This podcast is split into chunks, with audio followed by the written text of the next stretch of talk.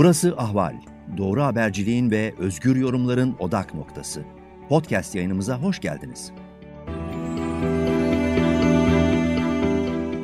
Sevgili Ahval dinleyicileri, ben Zülfikar Doğan. Yeni bir Ankara rüzgarında tekrar karşınızdayım. Türkiye orman yangınlarıyla mücadelede ikinci haftaya girdi 12 günden bu yana.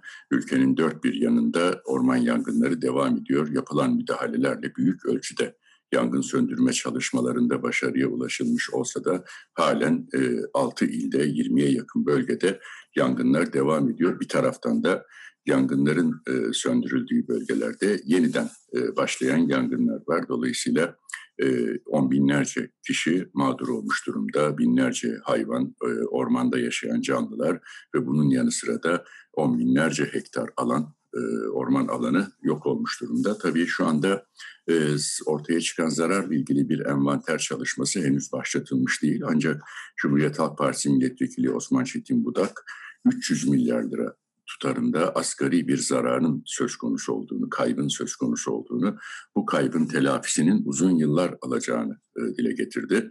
Orman köylüsü, orman alanlarında yaşayanlar, bu bölgelerdeki tarım arazilerinde geleceklerini, yaşamlarını sürdüren pek çok kişi yakında bu bölgelerden göç etmeye başlayacak dedi. Çok ağır bir tabloyla Türkiye karşı karşıya e, diye de ekledi. E, orman yangınları ile ilgili Cumhurbaşkanı Erdoğan ve iktidar cephesinden de açıklamalar geldi. Tarım ve Orman Bakanı Bekir Pakdemirli büyük ölçüde yangınların söndürüldüğünü ve müdahalelerin başarıyla e, sonuçlandığını dile getirirken Cumhurbaşkanı Erdoğan da 252 milyon yeni fidan dikileceğini açıkladı. Bugüne kadar da 5 milyar 400 milyon fidanın AKP hükümetleri döneminde yetişmiş ağacın orman alanlarına dikildiğini e, öne sürdü. Tabii bu e, bir takım tartışmaları da beraberinde getirdi. 5 milyar 400 milyon yetişmiş ağacın dikildiği e, söylemi tereddütle karşılandı. Diğer taraftan da 252 milyon yeni fidanın dikilmesi, bunların yitirilen orman alanlarında yeniden yaşam bulması, buraların yeniden yeşermesi ekolojik olarak da uzun yıllar alacak. Dolayısıyla böyle de bir acı tablo söz konusu. Ancak e, tam e, bu tartışmalar devam ederken resmi gazetede 5 Ağustos'ta yayınlanan bir e, Cumhurbaşkanlığı kararıyla Türkiye ile Somali arasında varılan anlaşma çerçevesinde Türkiye Somali'ye 30 milyon dolarlık bir hibede bulundu.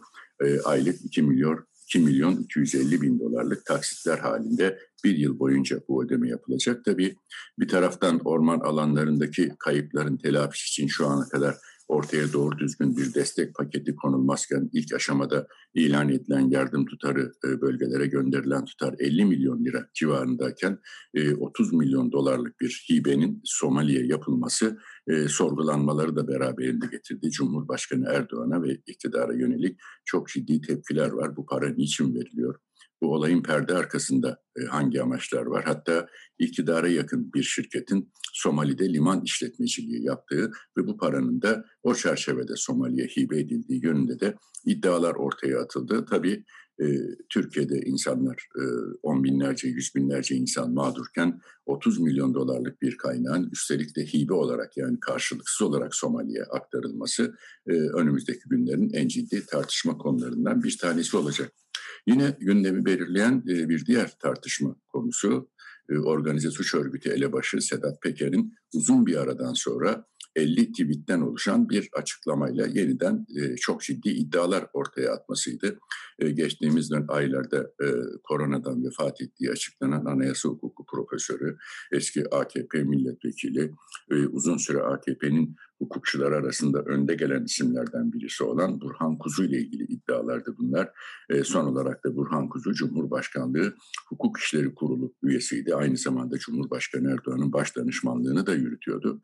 E, çok ciddi e, organize suç, mafya, e, örgütlenmeleri, uyuşturucu ticaretiyle ilgili bir takım e, bağlantılar, e, bunlarla ilgili yargı kararlarına müdahaleler ve Burhan Kuzu'ya yapılan şantajlarla ilgili iddialar ortaya attı Sedat Peker. E, diğer taraftan da e, bazı kadın cinayetlerine karışmasına rağmen e, tutuklanıp kısa sürede serbest bırakılan Ümitcan Uygun'la ilgili de iddialar ortaya attı Sedat Peker. Öldürülen e, genç kızlarla ilgili otopsi raporlarının para karşılığı düzenlendiğini e, öne sürdü. E, bir takım siyasilerle de bu ailenin yakın bağlantılar içerisinde olduğunu gündeme getirdi. E, bütün bu tartışmalarda yine siyasi gündemin önümüzdeki günlerde ana başlıkları arasında olacak gibi görünüyor. Tabii haftanın en e, çarpıcı olayı Milli Eğitim Bakanı Ziya Selçuk'un istifasıydı. Uzun süredir zaten Ziya Selçuk'un istifa ettiği yönünde e, bilgiler siyasi kulislerde dolaşıyordu. Daha önce de birkaç kez bu girişimde bulunmuştu Ziya Selçuk. Son olarak da kardeşinin Milli Eğitim Bakanlığı ile ilgili ticari, akçeli bağlantılarına yönelik iddialar ortalığa atılmıştı. Tıpkı Ticaret Bakanı Ruhsar Pekcan'ın kendi bakanlığına e, dezenfektan malzemeleri satması gibi Ziya Selçuk'un da kardeşinin bakanlıkla ilgili oldukça ciddi ticari ilişkiler içinde olduğu yönünde e, bir takım belgeler, iddialar ortalığa saçıldı. E, kendisinin de zaten bilindiği gibi bir özel okullar zinciri vardı.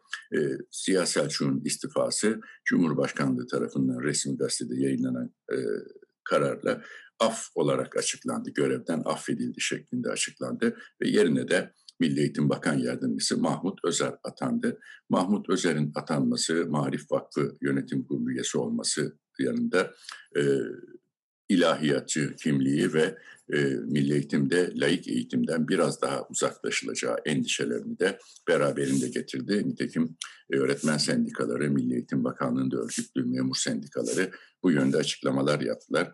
Beklentilerinin laik eğitimden geri adım atılmaması, cinsiyetçi eşitsizliklere yol açacak bir takım atamalar ve uygulamalar yapılmaması olduğunu duyurdular.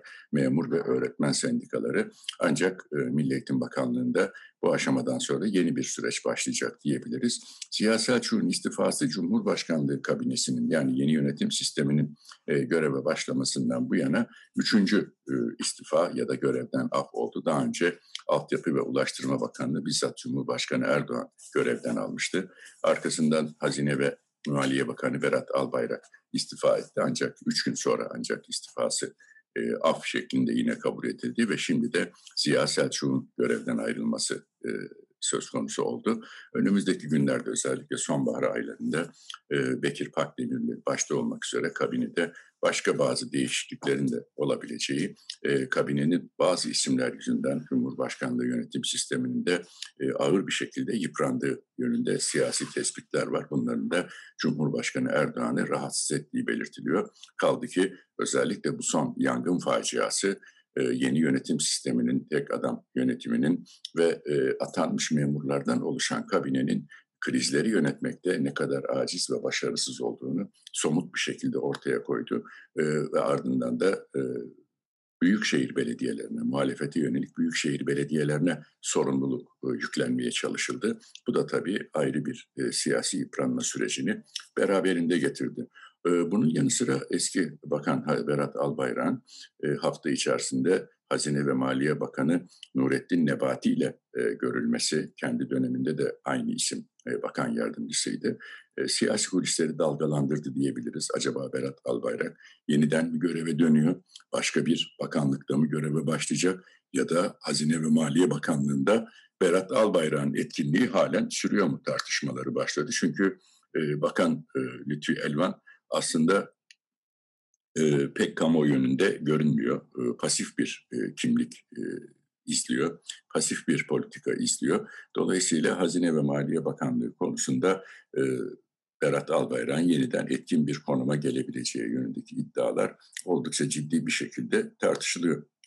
Bu haftanın en kritik konusu 12 Ağustos'taki Merkez Bankası Para Politikaları Kurulu toplantısı. Bir anlamda özellikle Cumhurbaşkanı Erdoğan'ın geçtiğimiz hafta e, faizlerde ve enflasyonda Ağustos ayından itibaren ciddi düşüşler bekliyoruz. Faizlerde indirime gideceğiz şeklinde e, net açıklamalarından sonra Merkez Bankası üzerindeki faiz indirimi baskılarının arttığını söyleyebiliriz. O yüzden de 12 Ağustos'taki para politikası kurulu toplantısı oldukça kritik bir hale geldi. Şayet buradan e, bir faiz indirimi kararı çıkarsa şu anda enflasyonun %18,95 politika faizinin de yüzde 19 olduğu düşünüldüğünde e, kurlarda yukarı yönlü çok ciddi bir hareketlilik ve Türk lirasında da sert değer kayıplarının yaşanması söz konusu. Ama buna bağlı olarak da e, Cumhurbaşkanı'nın böyle bir faiz indirimi ardından bir kredi kampanyası başlatarak e, nispi bir ferahlama, kısa dönemli bir ferahlama yaratıp arkasından da seçimi gündemine alacağı yönünde iddialar var. Bunlar ne kadar gerçek? Bütün bunların e, sonuçları e, ne kadar hayata geçebileceği 12 Ağustos'ta Para Politikası Kurulu toplantısından sonra somutlaşacak. E, benim kişisel görüşüm Merkez Bankası muhtemelen bir kez daha zamana oynamayı tercih edecek. En azından enflasyonla politika faizi arasındaki 0,05 e, puanlık farkı gözeterek şu anda halen e, politika faizinin enflasyon üzerinde ve pozitif olduğu görüşünden yola çıkarak bir ay daha e, faizleri %19'da tutmayı deneyebilir. Tabii burada da Erdoğan'ın, Cumhurbaşkanı Erdoğan'ın hışmını, şiddetini üzerine çekebilir. O nedenle Merkez Bankası Başkanı Şahap Kavcıoğlu'nun çok sıkıntılı bir tabloyla karşı karşıya olduğunu söyleyebiliriz. Dış politikada tabii Afganistan tartışmaları, İran'daki seçimler sonrasında İbrahim Reis'inin göreve başlamasıyla Türkiye-İran ilişkilerinde yeni bir dönemin gündeme gelmesi, Tunus'taki gelişmelerin Türkiye'nin Libya politikasına etkileri de diğer tartışılan sıcak konular arasında ama dediğim gibi özellikle siyaset e, bu açıdan çok etkili ve e, önemli başlıkları tartışma gündemine almış durumda. Orman yangınları, bunun yanı sıra yeni anayasa ve e, seçim yasası çalışmaları konusunda Cumhur İttifakı içerisinde olduğu öne sürülen çatlaklar, Bahçeli-Erdoğan görüşmesinden de e, bu konuda tarafların ikna olmadığı, tam bir uzlaşı sağlanamadığı yönündeki e, kulisler e, ortalıkta dolaşıyor. Önümüzdeki günlerde bunlarla ilgili daha somut gelişmelere tanık olabileceğimizi düşünüyorum. Evet sevgili ahval dinleyicileri Ankara'dan sizlerle paylaşacaklarım şimdilik bunlar.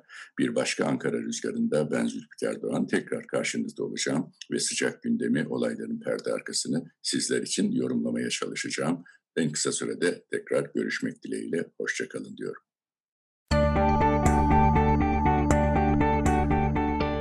Ahval podcastlerini tüm mobil telefonlarda Spotify, SoundCloud ve Spreaker üzerinden dinleyebilirsiniz. Apple iPhone kullanıcıları bize iTunes üzerinden de ulaşabilir. Türkiye'nin ve hayatın cıvıl cıvıl sesleri Ahval Podcast dizisinde. Kulağınız bizde olsun.